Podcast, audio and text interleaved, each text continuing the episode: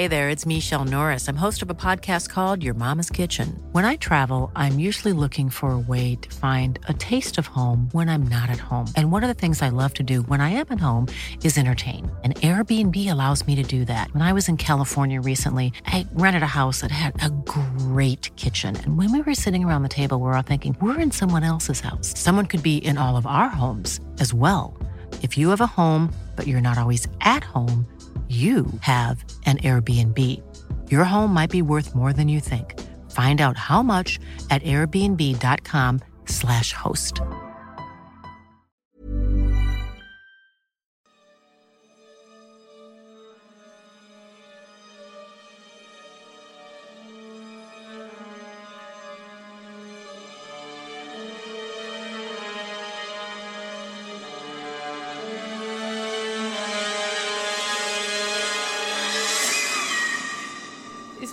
Maj 2020, efter en rad uppmärksammade rasistiska händelser, anordnades det hundratals protester och demonstrationer i USA och världen över.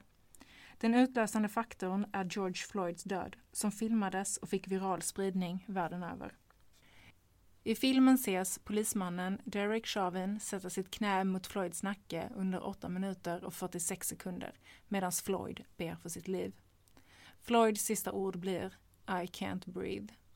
Efter det att videon av incidenten fått spridning och väckt stora protester åtalas Chauvin för dråp och hans tre kollegor som närvarade under händelsen åtalas för medhjälp till dråp. Black Lives Matter ordnade och deltog i flera protester i USA och globalt från den 30 maj 2020 där de sista scenerna ur George Floyds liv iscensattes i stor skala.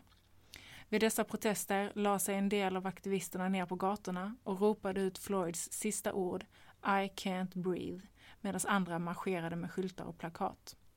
Trots att dessa protester är globala och anordnades av olika aktivistnätverk och organisationer har Black Lives Matter-rörelsen kommit att förknippas med alla protester oavsett plats. Men jag kommer att berätta om var det hela började.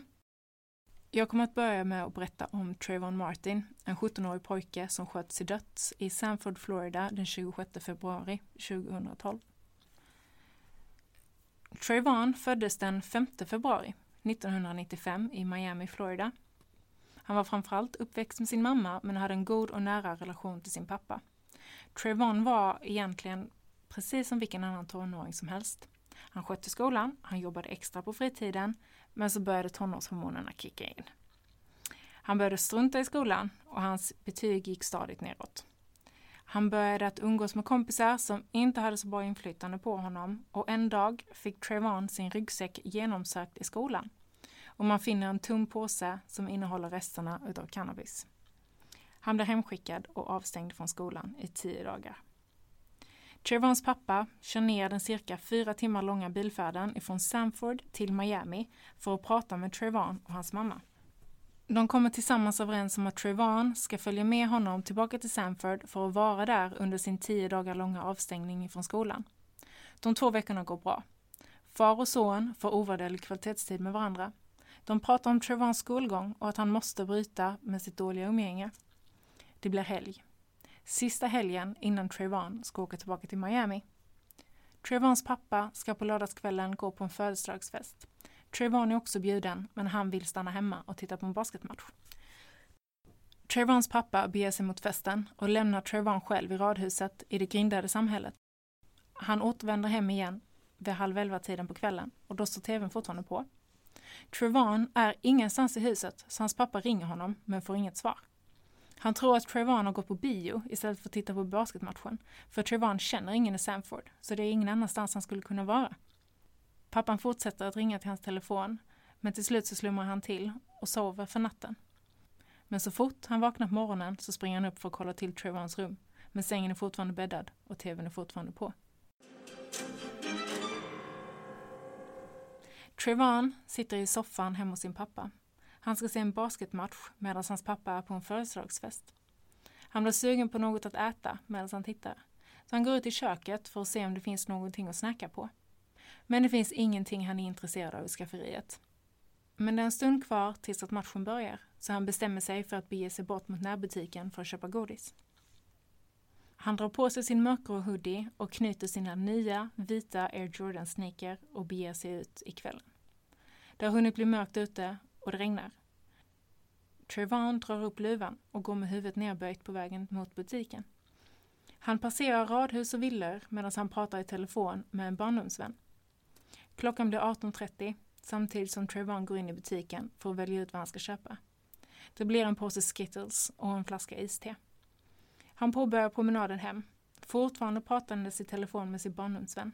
När han når det grindade samhället tilltar regnet allt mer och Trayvon bestämmer sig för att gå över en av grannarnas gräsmattor och gena mellan husen istället för att följa kvarterets trottoar. Samtidigt så sätter sig George Zimmerman, områdets självutnämnda säkerhetsvakt, sig i sin bil för att åka iväg. Han har sin bil parkerad ett stenkast från grindarna till området. Han ser Trevon komma gående och blir misstänksam som så många gånger förut när någon svart person rör sig i kvarteren innanför grindarna. Han beslutar sig för att ringa polisen. Trayvon ser att George stirrar på honom och han säger detta till sin vän han har i telefon. Vännen säger att han ska sticka därifrån och det gör Trayvon. Han väljer att springa därifrån.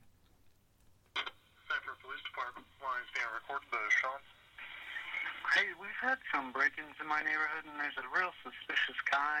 Uh, it's Retrieve Circle. Um, the best address I can give you is 111 Retrieve View Circle. This guy looks like he's up to no good, or he's on drugs or something. It's raining, and he's just walking around looking about. Okay, and this guy, is he white, black, or Hispanic? He looks black. Did you see what he was wearing? Yeah, a dark hoodie, like a gray hoodie, and either jeans or sweatpants and white tennis shoes. He's here now. He was just staring. Oh, he's just walking around the area. At all the houses. Okay. Now he's just staring at me. Okay, he said it's 1111 Retrieve you or 111? That's the that's the clubhouse. That's the clubhouse. Do you know what the, he's near the clubhouse right now? Yeah, now he's coming towards me. Okay. He's got his hand in his waistband. And he's a black male. Okay. How old would you say he looks? A on his shirt. Late teens. Late teens, okay. Mm-hmm. Something's wrong with him. Yeah. He's coming to check me out. He's got something in his hands. I don't know what his deal is. Okay, just let me know if he does anything, okay? over here. Yeah, we got him on the way. Just let me know if this guy does anything else. Okay. These assholes, they always get away.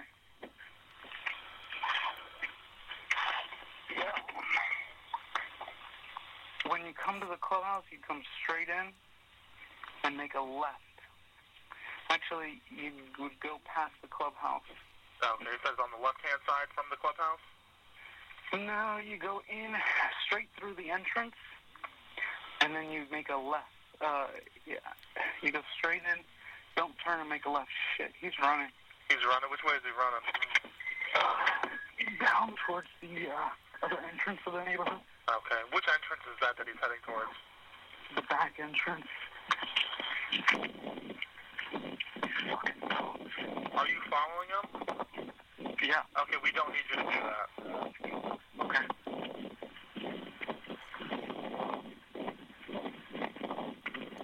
All right, sir. What is your name? George. He ran. All right, George. What's your last name? Zimmerman. And George, what's the phone number you're calling from? All right, George. We do have him on the way. Do you want to meet with the officer when they get out there? Yeah. All right. Where are you going to meet with them at? Um, if they come in through the uh, gate, tell them to go straight past the clubhouse and uh, straight past the clubhouse and make a left. And then they go past the mailboxes. You'll see my truck. Okay. What, what address are you parked in front of? Um, I don't know. It's a cut through, so I don't know the address. Okay. Do you live in the area? Yeah, yeah. What, what's, what's your apartment number? It's a home. It's... Oh crap! I don't want to give it out loud. I don't know where this kid is. Okay. Do you want to just be with him right near the mailboxes then? Yeah, that's fine. All right, George. I'll let him know to meet you with you out there. Okay. Actually, could you have him? Could you have him call me and I'll tell him where I'm at? Okay. Yeah, that's no problem. You need my number? You got it. Yeah, I, I got it. Yeah, you got it. Okay, no problem. I'll let him know to call you when they're in the area. Thanks. You're welcome. Han letar ju efter fel som han, Ja. Trayvon, kan ha, göra liksom. Det framgår senare att George har ringt polisen 46 gånger på grund av att svarta har rört sig i området. Va? I, i USA använder man ett skällsord, eh, coon, till mörkhyade människor. Okej. Jag tror inte du hörde det här, men han säger fucking coon. Jag trodde han sa fucking kid. Ja, nej, Eller något sånt. fucking coon. Där, hörde du det? Fucking coon. Mm. Så. George följer efter den nu springande Trayvon. Trayvon fortsätter på den genväg mot sin pappas hus som han redan hade planerat att gå. Trayvons vän säger åt honom att springa men Trayvon tror att han har skakat av sig mannen. Men det ska visa sig att det har han inte gjort. George kan området bättre och tar en annan genväg mellan längorna med radhus och genskjuter Trayvon precis innan längan med radhus som hans pappa bor i. Det uppstår en konfrontation och Trayvon frågar George varför han följer efter honom. Då hör vännen i telefonen en hårt flåsande man komma närmare Trayvon och frågar honom vad han gör här. George kommer ännu närmare Trayvon och nästa ord ur Trayvons mun är släpp mig, släpp mig, rör mig inte. Sen bryts samtalet av okänd anledning. Vad som sägs och händer här kommer vi aldrig få höra Trayvons sida av. Endast George och de boende i området som endast har ljudet av tumult och två personer som brottas. Vi vet att Trayvon och George brottas och sedan skjuter George Trayvon med två skott varav ett träffar Trayvon mitt i bröstet. Bara sekunder senare så anländer polis till platsen. Då står George Zimmerman med händerna i luften och Trayvon ligger på mage med sina armar under sig på gräsmattan. Polisen springer genast fram till Trayvon och vänder på honom. Han känner ingen puls och påbörjar hjärt och lungräddning. När han blåser luft i Trayvons lungor så hör han ett tydligt bubblande ljud. Så polisen vet direkt att skottet gått igenom hans lunga och luften pyser ut. Han gör sitt bästa för att täppa till hålet för att få luften att stanna kvar i lungorna, men det är inte tillräckligt. 17-åriga Trayvon är död. Han ligger död på gräsmattan, bara ett par meter ifrån sin pappas hem. George Zimmerman försätts i handklovar och hans pistol tas i beslag. Han tas med in på polisstationen för ett förhör som varar drygt en timme och han spenderar totalt fem timmar på polisstationen innan han får åka hem. Han hävdar att han avlossade de två skotten i självförsvar. Han kände sig hotad till livet och hävdar att Trayvon under tumultet som uppstod när de brottades har använt trottoaren som ett dödligt vapen. Så George var tvungen att dra fram sin pistol och skjuta Trayvon, vilket är självförsvar under lagen Stand your ground. Detta är något som godtas av polisen och det dröjer fram till den 20 mars innan en utredning påbörjas. Det finns så pass mycket oklarheter kring dödsfallet av Trayvon att fallet går till domstol den 11 april. Det framkommer under rättegången att George har ringt polisen 46 gånger under det senaste året för att rapportera om svarta män i området. Och när polissamtalet som George ringer till polisen saktas ner och analyseras så hör man att han slänger ur sig “fucking coon”. Rättegången pågår i 24 dagar och den 13 juli 2012 meddelar juryn efter 16 timmars överläggande att de finner George Zimmerman not guilty. Det går inte att avgöra vad det var som hände minuterna innan Trayvon blev skjuten eller vem det är som skriker efter hjälp i bakgrunden av grannarnas 911-samtal. Så juryn går på Georges historia, att han sköt 17-åriga Trayvon Martin i självförsvar och blir därmed friad från åtalet. Mm. Jag känner din frustration och jag känner det också. Jag eh, vill tillägga att eh, efter att ha lyssnat på intervjuer med jurymedlemmarna så de är själva, eller ett par stycken av dem i alla fall, är själva inte nöjda med utfallet. De ansåg att lagen är så dåligt utformad att det inte går att få igenom en fällande dom. Och även rättsexperter som har granskat fallet har ställt sig frågande till lagstiftningen. Då man kan konkret säga att person A har dödat person B men man kan inte bevisa att person A haft uppsåt att begå ett mord. Så då kan man inte fälla honom för mord. Nej okej, men det första jag tänker på. Det är att eh, han George säger att eh, det var ju självförsvar. Mm. Men det är ju han, på, i det här röstsamtalet vi hörde så säger polisen Don't follow him. Precis. Var, om han bara hade stannat där han var så hade ingenting hänt. exakt, Varför exakt. ska han följa efter? Alltså då hade man ju också blivit rädd om jag var Trayvon Ja. och någon gubbe följde efter mig. Jag hade ju blivit svinrädd Ja. sprungit för livet. Varför följer han ens efter? Han har liksom, han har ju muckat gräl typ. Ja, precis. Så det, det alltså han hade för avsikt att springa efter honom. Mm, det, det, det, menar, det, vad, vad tänkte han skulle hända sen när han väl träffar på honom? Alltså, Nej alltså Ja. jag tycker det, åh jag blir så arg och att han får gå fri. Alltså Mhm. och sen inte nog med det. Efter rättegången så auktionerar George Zimmerman ut pistolen som han sköt Trayvon med för 250 000 dollar. Och vet vad han ska använda de pengarna till? Mm. Han ska starta en vapenbutik där inga muslimer är tillåtna. Alltså, Eh, och vem köpte den här pistolen för 2,5 Vi- miljon? Jag vet inte. Eh, men eh, jag vet inte. Det, här är ju, det här är ju bra i alla fall. Jag hittade att under 2016 Mm. så satt George Zimmerman på en restaurang i Florida och han skröt om hur han hade skjutit Trayvon till döds. Och att han kom undan med det. Men en gäst vid bordet bredvid hörde det här och han blev vansinnig. Så han ställde sig upp, gick över till George Zimmermans bord och gav honom ett knytnävsslag rätt i ansiktet. Bra. Mm, den, var, den var nice. Ah. Och sen en fruktansvärd twist i det här också. Under 2020, så det, det är nu bara, det är bara ett par månader sedan, Mm. så har George Zimmerman lämnat in en stämningsansökan på 100 miljoner dollar mot Trayvons familj och hävdar att familjen har använt sig av falska vittnen under rättegången. Alltså han ska vara glad att han ens blir friad. Precis. Så det är sjukt, det är så jävla sjukt. Men, och att eh, han liksom wannabe vakt eller vad han nu var. Att han ens tror att han har rätten att följa efter folk. Ja. Ringa upp, ja han har sett 46 svarta män i området. Alltså va? Mm. Sköt ditt egna jävla liv. Ja, precis. Och det här med, han säger ju i början av samtalet att eh, det har skett inbrott i området. Det är inte sant för det finns inga, det, det är ingenting som polisanmälts i alla fall.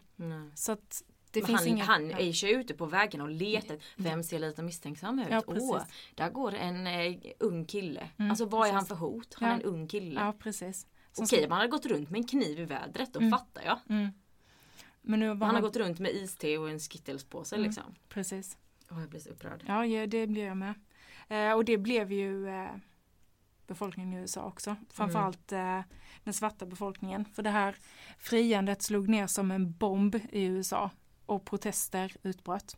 På sociala medier och framförallt på Twitter så börjar man nu använda hashtaggen Black Lives Matter för att uppmärksamma då en ny aktiviströrelse som belyser rasprofilering, orättvisan för svarta i det amerikanska rättssystemet och polismorden på svarta i USA. Men rörelsen fick inte nationell eller internationell uppmärksamhet fanns 2014 efter protesterna i Ferguson och i New York som arrangerades efter att de obeväpnade svarta männen Michael Brown och Eric Gardner dödats av poliser. Och Eric Gardner kommer ju du prata om alldeles strax. Men Michael Brown, han var en 18-årig pojke i Ferguson, Missouri. Vad som egentligen ledde fram till hans död är lite oklart. Polisen säger en sak och vittnena säger en annan. Det enda vi vet med säkerhet är att Michael springer ifrån en polis. Polisen ropar på honom att han ska stanna. Michael gör det. Han håller händerna upp i luften och han vänder sig mot polisen. Och då tömmer polismannen hela sitt magasin i Michael Brown. Alla skotten tar i Michaels framsida. Michael dör direkt, mitt på gatan i ett bostadsområde. I efterhand har polisen hittat på att han skulle vara misstänkt för stöld av cigarrer i en butik i närheten. Och polisen blir inte ens åtalad. Och jag fattar inte det här att man tömmer sitt magasin. Mm, Eh, Vi har, ju, vi har ju en amerikansk eh, vän och han berättade det att amerikansk polis tränas i att när de skjuter ska de tömma hela magasinet. Varför det? Jag vet Då inte. är det ju syfte att döda. Ja, En polis Ja. vill aldrig döda. ja, och alla skotten var ju överkroppen. Det var flera i överarmen. Det var uppe på, eh, eh, vad ska man säga, strax över pannan, alltså i sidan av huvudet och i bröstet. Så allt var ju riktat upp. Och alltså för att man har, för att man är misstänkt för att ha, vad var det, stulit cigarrer? Cigarrer. Ja, cigarrer. Cigarrer. Men det här var ju inte någonting, alltså det här har de fabricerat i efterhand. Han var inte misstänkt för att ha stulit cigarrer. Det, det här var, det var någonting de hittade på någon dag senare.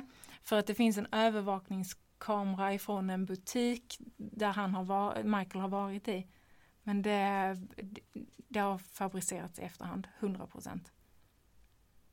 I augusti 2014 organiserade Black Lives Matter-anhängare rörelsens första nationella protestmarsch som kallades Black Lives Matter Freedom Ride med sikte på Ferguson, Missouri. Mer än 500 aktivister anlände till Ferguson för att delta i dessa fredliga demonstrationer. Black Lives Matter-gruppen var det mest synliga aktivistnätverken som deltog i marschen och blev efter detta betraktat nationellt i USA som en symbol för en växande rörelse för en svart persons rättigheter. Så det var typ där det började? Eller där det blev Ja. stort liksom? Precis, precis. Det skapades utav tre svarta kvinnor efter eh, Trayvons eh, eh, mord. Mm. Sen fortsatte det med Michael Brown. Och sen Eric Gardner. Det är den 17 juli 2014, alltså nästan exakt sex år sedan idag. Och Eric Garner står på en gata i New York City utanför en sminkbutik när några poliser börjar prata med honom. De anklagar honom för att sälja cigaretter styckvis skattefritt och detta är ju olagligt. Men Garner står upp för sig själv och han menar att han har inte gjort något fel. Och när en av polismännen rör vid Garner drar han bort sin hand och säger “Don't touch me, please”. Det är nu som fyra polismän brottar ner Garner. En av polismännen vid namn Daniel Pantaleo tar strypgrepp om honom, sätter handfängsel bakom ryggen när han ligger med magen mot asfalten. Pantaleo trycker Garners huvud ner i backen med hela sin kroppstyngd samtidigt som Garner säger I can't breathe. The arrest was captured by a cell phone camera. Within seconds, Officer Daniel Pantaleo had wrapped his arms around Garner's neck. Garner's cries of I can't breathe 11 times are among the last words he spoke before his death. Man har räknat antalet gånger Garner klart och tydligt säger I can't breathe till hela 11 gånger. Och ingen av de fyra polismännen reagerar något större på detta. Det är först när Garner blir medvetslös som de vänder honom till sidoläge för att han ska få in mer luft i lungorna. I sju minuter ligger han medvetslös mitt på trottoaren i New York City, fortfarande med handfängsel bakom ryggen, innan ambulansen kommer till platsen. En timme senare dödsförklaras Eric Garner på sjukhuset. Eric Garner är en stor och kraftig afroamerikan som blev ynka 43 år. Han var pappa till sex barn och tre barnbarn. Hans yngsta barn var bara tre månader gammal. Han är van att bli stoppad av polisen. Det har hänt så många gånger tidigare, men nu var det den sista. De var fyra polismän mot en. Han hade inget vapen, han var inte aggressiv och han gjorde inget olagligt. Han bara stod där. Allt detta filmas av en person som gick förbi när poliserna började argumentera med Garner. Och i videon får man se hur polismännen agerar. Och ja, alltså jag kan inte fatta anledningen till att de gör som de gör. Garner var väldigt överviktig och att bara låta honom ligga på marken utan handfängsel hade räckt. Alltså han hade inte orkat ta sig upp. Men ändå ska poliserna ta strypgrepp. De ska trycka hans ansikte ner i marken. De ska sätta handfängsel samtidigt som han ligger på mage med fyra polismän runt omkring sig. Pantaleo, som var polismannen som agerade mest våldsamt, blir av med sitt vapen och sitt polismärke och får en begränsad tjänst. Det blir rättegång och i två månader pratar juryn ihop sig om sitt beslut. Beslutet blir att Pantaleo går fri. Efter att detta kom fram har det demonstrerats överallt. Demonstranterna använder sig av orden I can't breathe för att visa att det är Eric Garner som de vill stå upp för. Och det är väldigt många som blir arresterade av polis under demonstrationerna och det väcker mycket känslor. Black Lives Matter tas upp och man uppmärksammar andra fall där svarta blivit oskyldigt dödade eller skadade. Garners familj stämmer New York City och polisen för felaktig dödsdom på 75 miljoner dollar. De får 5,9 miljoner dollar, men Garners familj är inte nöjda med detta. Det har även kommit ut att Pantaleo fått flera olika klagomål och individuella anklagelser emot sig tidigare.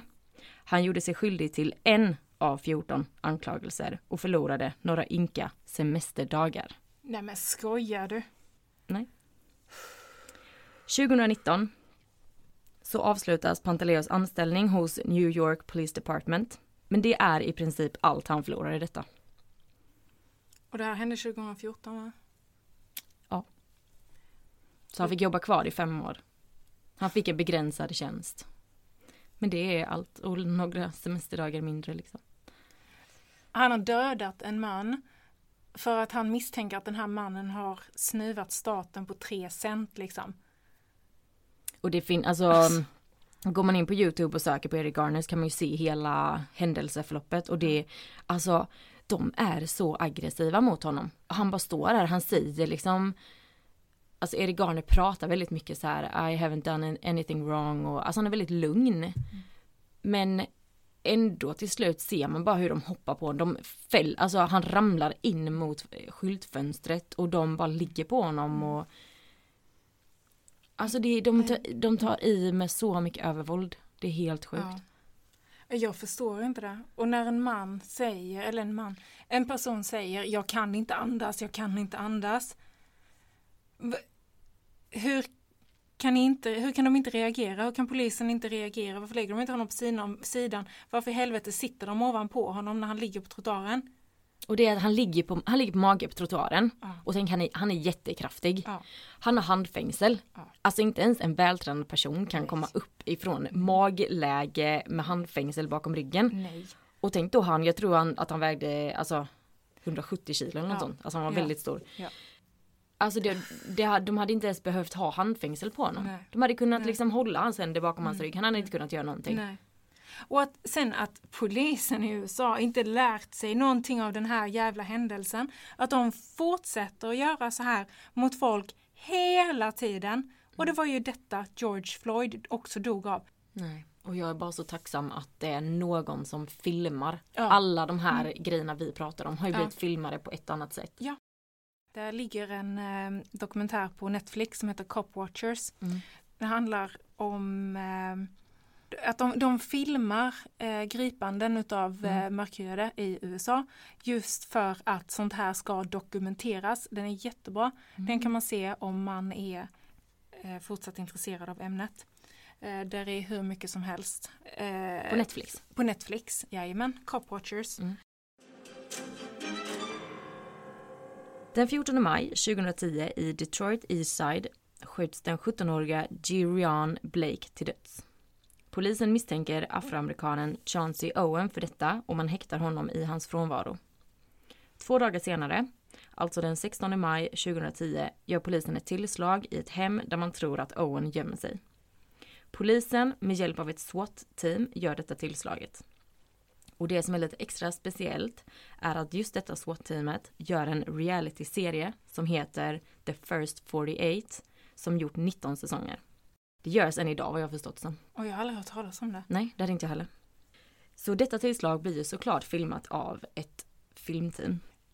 Men det som händer, det är att i hemmet så ligger sjuåriga Ayana Jones och sover på soffan medan hennes farmor sitter jämte och tittar på TV. Klockan är strax efter midnatt. De har ingen aning om att det står ett helt team utanför huset med dragna vapen. SWAT-teamet kastar in en granat i huset och den tar eld i Ayana som ligger på soffan. SWAT-teamets ledare heter Joseph Weekly och han går först in i huset och bara någon sekund efter att granaten landat i huset avlossar han ett skott. Skottet träffar Ayana i nacken och hon dör. Tillslaget som var till för att hitta den gömda misstänkta mördaren Chauncey Owen slutar med att de hittar honom på övervåningen.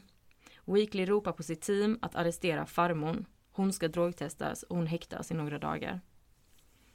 Detta är vad jag har hittat om detta tillslaget. Men det finns två olika sidor av detta såklart. Enligt Weekly så har han tagit sig in i huset och där ska farmon ha försökt få tag i hans vapen för att få vapnet att avlossas. Kulan gick mot Ayana och den råkade döda henne. Och jag citerar Weekly nu. A woman inside grabbed my gun. It fired. The bullet hit a child. Och det är därför farmor arresteras och ska drogtestas, för det är vad han menar har hänt liksom. Wow, jag tror inte på det överhuvudtaget. Det låter så jävla osannolikt så det finns inte. Varför skulle hon vilja att ett vapen skulle avlossas? Ja. Liksom? Hon borde ju vara fokuserad på att hennes barnbarn, barnbarn brinner. Du ska få höra Ayanas farmors version. Ja. Och den är att hon räcker sig efter Ayana för att hon har tagit eld av granaten som kastades in i huset. Och hon säger att hon aldrig rörde någon människa eller någon polis. Så du hade ju rätt där hur hon uppfattade det. Eh, Weekly anklagas för ofrivilligt mord och hänsynslöst skjutande med vapen. Men rättegången slutade som ogiltig. Och den togs upp igen, men då anklagades han endast för hänsynslöst skjutande med vapen. Men det ogillades igen. Och 2015 så säkerställde en, åklagare att det inte skulle bli några fler rättegångar mot Weekly och han förklarades fri från alla anklagelser. Men en sak som kom fram i de här rättegångarna som hölls mot Weekly, det är att det fanns aldrig några fingeravtryck av farmor på vapnet. Och det var ju en stor lättnad för Ayanas familj att kunna bevisa att det han säger, det, har, det hände liksom aldrig. Men han fälls inte för det. Nej. Så jävla vidrigt. Och detta sändes som en reality liksom. Och den här farmor, hon vittnar i en av rättegångarna och det berör verkligen, alltså hon, hon verkligen säger vad hon tycker och tänker och är jätteledsen. Weekly som sitter i rättegångssalen, han rör inte en min under tiden som hon pratar. Och jag ska spela upp lite från hennes vittnesmål nu. I'm laying there screaming, asking somebody to help my granddaughter because he just shot her in the head. And he wouldn't even help her. They turned on the light and seen that she had been shot and carried out the house. Oh, man. Oh, my God. Oh, Jesus. A highly emotional Myrtilla Jones wails on the witness stand this afternoon during the retrial of Detroit police officer Joseph Weekly. He's accused of involuntary manslaughter in the death of Jones's seven year old granddaughter, Ayana. It happened in May of 2010 during a raid on a Detroit home as police were searching for a murder suspect. Jones says she was on one end of the couch and Ayana was sleeping on the other end of the couch closest to the front door when Weekly entered first and instantly fired his gun, hitting Ayana in the head, killing her. Why you do it? Please tell me why you come in my house like that. Weekly's defense has been that Jones lunged at him and hit his gun, causing him to accidentally pull the trigger. Listen as she defended herself and lashed out at Officer Weekly. You killed my grandbaby. You killed her and you try to blame me. You know I never touched you, Mr. Weekly. You know I never touched you. You know you're wrong. She was only seven years old. She was only a baby. Alltså, Ja, där hör man ju hon säger att eh, du försökte skylla detta på mig liksom. Ja, och d- alltså det är, man hör knappt vad hon säger för att hon är så jävla ledsen. Man kan gå in och se det här klippet på Youtube. Hela hon utstrålar ju smärta och tårarna bara rinner. Alltså jag ryser när jag tittar på detta. Ja, det, det gjorde Ja. jag med. Jag ryser och jag blir, jag blir på riktigt illamående. Mm. Och han bara sitter där. Jag vet man får ju Ja, men se fick hans, eh, de Ja. klipper ju in hans ansiktsuttryck och han bara liksom sitter där liksom. Ja. Weekly tas ifrån sin tjänst efter mordet på Ayana. Men fem år senare får han komma tillbaka. Men han jobbar i begränsad tjänst från och med nu. Och Precis, tror, precis som Eric Gardner. ja, de liksom, de får inte vara ute på gatorna har jag uppfattat som. Och jag tror att Weekly fick någon tjänst som kriminalare eller något sånt. 2019 så får Ayanas familj 8,25 miljoner dollar efter skjutningen ifrån Detroit City. En liten, liten, liten tröst kanske. En liten teori som jag hittade, det är att många tror att det här SWAT-teamet agerade för impulsivt på grund av realityserien som spelades in samtidigt. Du, det var min tanke också. Mm. Alltså att kamerorna gjorde att man agerade impulsivt för att få bra tv liksom. Och det, alltså när jag läste detta så kände jag bara ja. Det, Det det, känns väldigt eh, sannolikt att det är så. För att man kan också se det på Youtube från det här de har filmat då att eh, man ser hur de kastar in en granat och den liksom sprängs eller vad man ska säga. Och sen bara hör man ett skott direkt efter så han har ju inte ens kunnat se vad som har hänt när han har kommit in. Han har bara gått in och boom skjutit.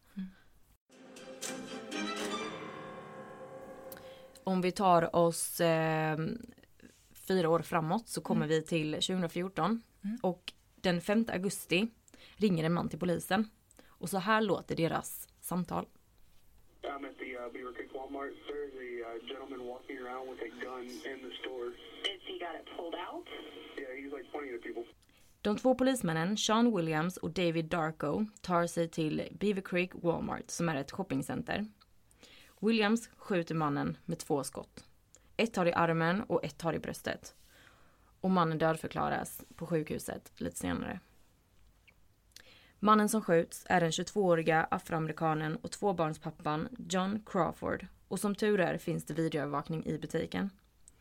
På videon ser man att Crawford går runt i butiken och pratar i telefon samtidigt som han håller i pistolen som är upppackad ur sin förpackning.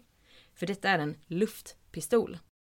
Som var på rea, som man alltså kunde köpa i den här butiken som han var i. Det är alltså en... Alltså han är i en butik där de säljer... Ja. Han går runt med en vara i handen med andra ord. Ja, precis. Och inte en enda gång ser man honom rikta vapnet mot någon. Vilket mannen som ringer in det här samtalet säger att han gör. Och man kan se andra människor i butiken. Men ingen av dem verkar vara rädda för Crawford. Och det skulle de ju ha varit om detta var en riktig pistol, tänker jag. Ja, och om han på riktigt skulle gått runt och riktat den mot Ja. folk. Då skulle det ju bli liksom kaos där inne. Men Ja, alla går runt precis. och tittar på sina varor. Och man ser sen på videon att poliserna rusar in, skjuter mot Crawford och han faller till golvet. Och det första jag tänker det är ju hur svårt är det att prata med Crawford om man är en polis. Alltså de hade kunnat skrika in släpp vapnet. Precis. Men de bara rusar in och, och skjuter. Williams tas bort från sin tjänst under tiden som undersökningen görs av detta. Men ingen av polismännen blir dömda. Och när allt lades ner så återgick han till sin vanliga tjänst igen. Jag får lite, vad heter han, Erik? Eh, Torell heter han i efternamn, men heter han Erik Torell? Ja. ja. Jag får lite feeling av det. Att polisen bara skjuter. Och det var också ett leksaks... Eller Ja. där, där var det ju en riktig leksakspistol. Ja. Ehm, här var det ju en ja, luftpistol. Men precis. Ja. alltså... Ja. Men det, jag menar, har inte butiken ett fucking ansvar där att behålla de här, den här typen av varor i sina förpackningar så det här inte händer? Men detta var ju, den var på rea så då hade de packat upp den för att typ visa den. Men då kanske man ska sätta någon kedja på eller någonting. Ja, jag Men- vet. Ja. Ja men just det att ropa att vi misstänker att du har ett vapen eller vi ser Eller att du har ett vapen, vapen, släpp släpp det. det. Eller någonting. Ja. Men vad jag har förstått nu så var det väldigt svårt att bedöma hur allt hade gått till. Så åklagaren skulle behöva bevisa att antingen att polismännen var rädda för sina liv eller att bli skadade och därför agerade de i självförsvar. Eller att de avsiktligt ville skada Crawford. Åklagaren kunde inte bevisa något utav det och därför frias de. Crawfords mamma har stämt både Walmart, Beaver Creek City och polismännen. Och i år så fick hon 1,7 miljoner dollar. Är, det, är det allt ett liv är värt? Och jag har skrivit här summering av mina tre fall.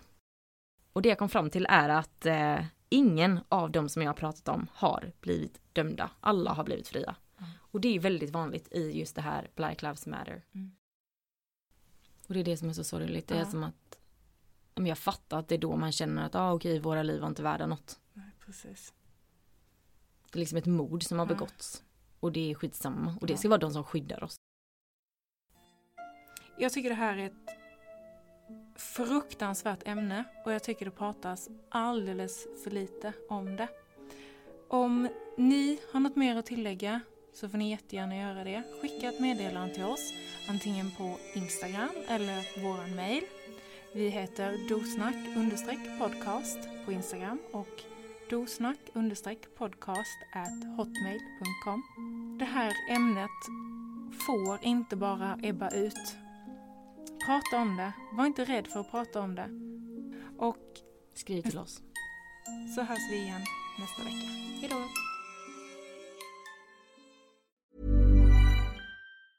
Even when we're on a budget, we still deserve nice things.